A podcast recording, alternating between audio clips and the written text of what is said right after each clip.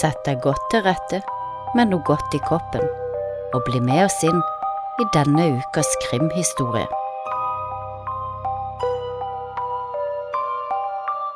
Bomba på Oslo S Det er 2. juli 1982, og klokka har passert 18 om ettermiddagen da 19 år gamle Elin Stoltenberg Dahl og hunden hennes Natasha ankommer avgangshallen på Oslo S. Det er sommer, yr i luften, og temperaturen ligger på rundt 17 grader. Denne dagen hadde Elin lånt morens bil for å hjelpe en venn med å flytte. Etter flyttinga var planen å besøke sin far på Kolbotn. Vennen hun skulle hjelpe, hadde hun avtalt å møte i avgangshallen på Oslo S, og mens hun venta der, så ringer hun fra en telefonkiosk for å høre om faren var hjemme, men faren var ute, og ingen tok telefonen. Deretter bestemte Elin seg for å ta bilde i fotoboksen når hun først var innom avgangshallen, og i den tida var det svært vanlig med fotobokser, hvor man satte seg inn og lukka igjen med et forheng. Bildene brukte man enten til privat eller i forbindelse med at man skulle ha legitimasjon, pass og lignende. Vitner har i ettertid beskrevet at hunden hennes prøvde å dra Elin ut av fotoboksen. Elin hadde kommet ut en gang og gått bort til Narvesen-kiosken for å veksle penger. Deretter hadde hun gått tilbake til fotoboksen. Hunden Natasha skal fremdeles ha stritta imot så mye at Elin måtte irettesette hunden. Deretter satte Elin seg igjen inn i fotoboksen og dro for forhenget. Klokka var blitt ca. 18.25 da en bombe grav i en oppbevaringsboks i avgangshallen, ca. ti meter fra fotoboksen. Elin og hunden Natasha ble drept momentant. Elleve andre ble skada, og to av de, en 68 år gammel mann og en ung gutt, blir alvorlig skada. De andre fikk mindre alvorlige kuttskader av glass og splintrer som hagla rundt de. 75 år gamle Maria Nitter var en av de. Hun fortalte Dagbladet fra sykehussenga samme kveld at hun kun hadde hatt én tanke i hodet, å krype i dekning i tilfelle det kom en ny eksplosjon. Og seks uker etter eksplosjonen lå ennå 68 år gamle Even Vigmostad på sykehuset, med store smerter i den ene skulderen, i ryggen og hoftepartiet. Både bein og knokler i underkroppen hadde blitt splintra ved eksplosjonen, og de to første ukene hadde han svevd mellom liv og død, og uten en enorm innsats fra Aker sykehus hadde han etter all sannsynlighet ikke overlevd. Elin Stoltenberg Dahl ble født 18. oktober 1962 og var bare tre måneder unna 20-årsdagen sin da hun ble drept av bomba. Hun var datteren til Lillian Synnøve Stoltenberg og Bjarne Dahl, og hun hadde en 14 måneder eldre søster, Runa. Elin arbeider som rekvisitør på Oslo Nye Teater, og hun var en fredsaktivist. Fra 1979 til 1981 bodde Elin på Hamar, hvor hun var praktikant i en barnehage, og i tillegg tok et ettårig kurs i tegning, grafikk og dekorativ forming. I 1981 flytta hun og søsteren Runa til Oslo, der de delte en hybel. Elin var også en av illustratørene til boken Drøm og virkelighet, illustrasjoner hun hadde lagd allerede som 16-åring. Og i april 1982 var hun også en av rekvisitørene til farsen Å for en natt på Oslo Nye Teater. Forfatter Kjetil Bjørnstad nevnte Elin i tredje bind av sin romanserie Verden som var min, hvor han skriver følgende. Omtrent samtidig som jeg låser meg inn i leiegården, som har inngang fra Thomas Hefteys gate, diagonalt over der hvor Ole hadde hatt en hybel en gang, og hvor mitt nye liv begynte, går den 19 år gamle Elen Stoltenbergdal inn i en fotoautomat på Østbanen. Kanskje hun skulle ut og reise, kanskje hun trenger et pass. Hun vet ikke at en bombe er plassert i en av oppbevaringsboksene like ved. Den 9. juli 1982 blir Elin gravlagt på Høybråten kirkegård, og seremonien ble holdt i Store kapell på Østre gravlund. Moren hadde gjort pressen oppmerksom på at Elin hadde vært sterkt engasjert i arbeid mot krig og vold, og at begravelsen hennes derfor skulle bli en markering mot voldsbruk og nedbrytende krefter. Mange av de som deltok i begravelsen, var derfor kledd i hvitt, fredens farger, og diktet Til ungdommen av Nordahl Grieg ble fremført i begravelsen, samme dikt som ble så viktig for Norge etter 22. juli-angrepet i 2011. Dagen da bomben gikk av, ble en stor etterforskning igangsatt, og ganske kjapt begynte politiet arbeidet med å gå gjennom de tusen oppbevaringsboksene på sentralbanestasjonen på jakt etter flere bomber. Dagen etter kunne man lese i avisen at politiet etterlyste to menn og en kvinne i 20-årsalderen etter bombeattentatet. Disse hadde blitt sett løpende vekk fra åstedet rett etter det smalt.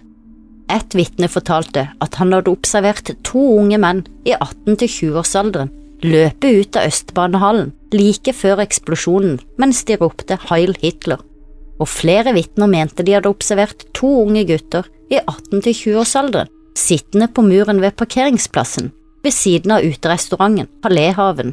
Disse skal ha hatt en sort gjenstand med det vitner beskrev som antenner, og som politiet mente var radiosendere. Ifølge vitnene skal disse to guttene ha forsvunnet så fort eksplosjonen var et faktum.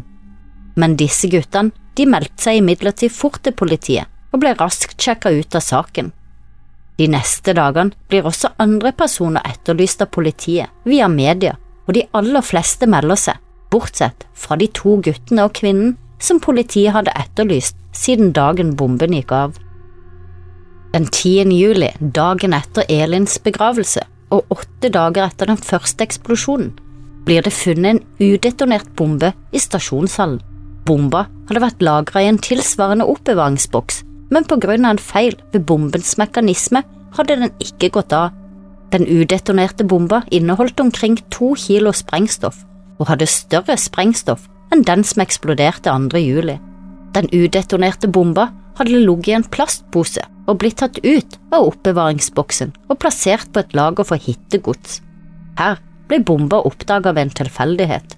Selve sprengstoffet var plassert i et stålrør for avtrekksvifter på kjøkkenet, og selve røret var ca. 30 cm langt. Selve bomba var tidsinnstilt ved hjelp av et vanlig armbåndsur med en tidsinnstilling på maks en time men heldigvis så var det en feil på mekanismen som hindra bomba fra å gå av, og flere liv slapp å gå tapt. Men eksplosjonen 2. juli og bombefunnet på samme sted åtte dager senere utløste, ifølge den gang vakthavende adjutant ved Oslo politikammer, Bjørn Bigseth, en hel psykose med falske meldinger. Dagbladet kunne melde at det hagla med bombetrusler over hele landet, og at politiet mottok et utall anonyme henvendelser fra personer som varsler om at bomber skulle gå i lufta. Blant annet ble jernbanestasjonen i Trondheim og Bergen utsatt for bombetrusler, men alle truslene var falske, og i tillegg fikk politiet svært mange henvendelser fra publikum som kunne melde om alt fra mystiske pakker, bæreposer og andre gjenstander. Men hvem sto bak denne bombinga, og hvorfor? Politiet uttalte tidlig at bomba uten tvil var laga av en person som hadde greie på slikt, de hadde funnet fingeravtrykk på den udetonerte bomba, de hadde funnet reima til dameuret som var brukt, og et særtrekk ved bomba som de mente kunne være en god ledetråd i det videre arbeidet. Men det var først to måneder senere at gjennombruddet skulle komme, da et avisbud ble truffet en ladning fra et haglegevær øst i Oslo. Det var blitt lørdag 11. september, og avisbudet hadde blitt forbikjørt av en bil med to ungdommer like før han ble beskutt. Han hadde dermed bitt seg godt merke i bilen, og opplysningene hjalp politiet, sånn at de litt senere på dagen fant bilen ved ei hytte på Hvaler, og to 18 år gamle gutter ble arrestert. Det var den gang 26 år gamle Tore Alm som ble beskutt. Han jobba ekstra som avisbud. Klokka var fem om morgenen, og han hadde akkurat lagt fra seg avisene i Dovresvingen på Lambertseter da det smalt. Han ble beskutt med et avsagd haglegevær og ble dermed truffet av 58 hagl. Bare flaks gjorde at han overlevde. Han var et tilfeldig offer, og gjerningsmennene var ifølge de selv kun ute etter bilen hans. De to ungdommene innrømma at de hadde planlagt et innbruddsraid og derfor hadde trengt en anonym bil. Fingeravtrykkene til begge guttene ble raskt sjekka opp, og politiet får en match mellom den ene 18-åringen og fingeravtrykket på bomben fra Østebanehallen og når 18-åringen blir konfrontert med bevisene, så tilstår han at det var han som sto bak bombeangrepet. Han hevder at angrepet ikke hadde hatt politiske motiver, men utpressing. 18-åringen sa også at han hadde som mål å presse NSB for penger for å ikke sprenge flere bomber. Han tilsto også 30 andre lovbrudd, blant annet grove tyverier og hærverk. Han tilsto også å stå bak en sprengning på Ekebergbanen i juni 1982 I den episoden hadde 18-åringen og en kompis stjålet åtte kilo dynamitt fra en byggeplass og rigga det til på skinnene, men heldigvis var trikken forsinka og ble derfor ikke rammet av eksplosjonen, og ingen ble skada. Han hadde her hatt samme plan som når han sprengte Østbanen bare dager senere, å drive med utpressing av penger. 18-åringen ble også sikta for drapsforsøk etter skyteepisoden som ledet til arrestasjonen. Han ble dømt til elleve års fengsel. Den kjente advokaten Geir Lippestad fortalte senere at han hadde gått på skolen med alle tre gjerningsmennene. Etter bombeangrepet flytta NSB oppbevaringsboksen bort fra de travle områdene med mange reisende for å hindre at noe lignende skulle skje igjen. Og til minne om Elin Stoltenberg Dahl ble det, etter en landsomfattende pengeinnsamling, starta Elins kollegaer laget et relief av Nina Sundby, støpt i forgyllet bronse med fredsstuer og ordet fred på ulike språk. Dette ble gitt i gave til NSB for å stå i ankomsthallen, men NSB flytta det i stedet til veggen på venstre side på innsiden av hovedinngangen. Så avslutter vi denne episoden med de to første versene av Nordahls Grieg til ungdommen, sunget av vår helt egen Fiona. Kringsatt av fiender, gå inn i din tid. Under en blodig storm, videre til strid. Kanskje du spør i angst, udekket åpen. Hva skal jeg kjempe med? Hva er mitt våpen? Har du et enkeltpersonforetak eller en liten bedrift? Da er du sikkert lei av å høre meg snakke om hvor enkelt det er med kvitteringer og bilag i fiken, så vi eh, gir oss her, vi. Fordi vi liker enkelt. Fiken superenkelt regnskap.